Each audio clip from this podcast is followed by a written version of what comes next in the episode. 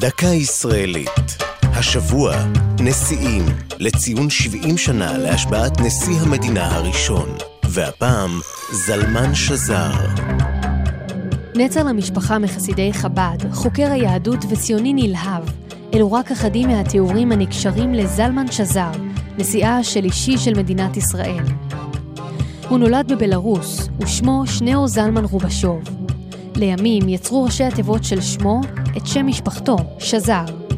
כנער כבר ערך ירחון ציוני בעברית, ובעקבות ביקורו הראשון בארץ ישראל ב-1911, הפך לפעיל ציוני סוציאליסטי בוועידות ציוניות עולמיות.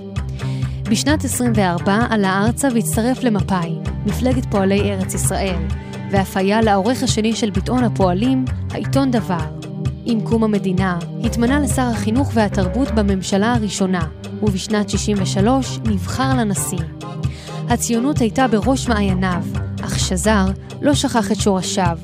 הוא התפלל בבית הכנסת של חב"ד, צמח צדק בירושלים, וסייע בהקמת כפר חב"ד, שאליו בא מדי שנה בשנה להתוועדות י"ט בכסלו, חג הגאולה החסידי.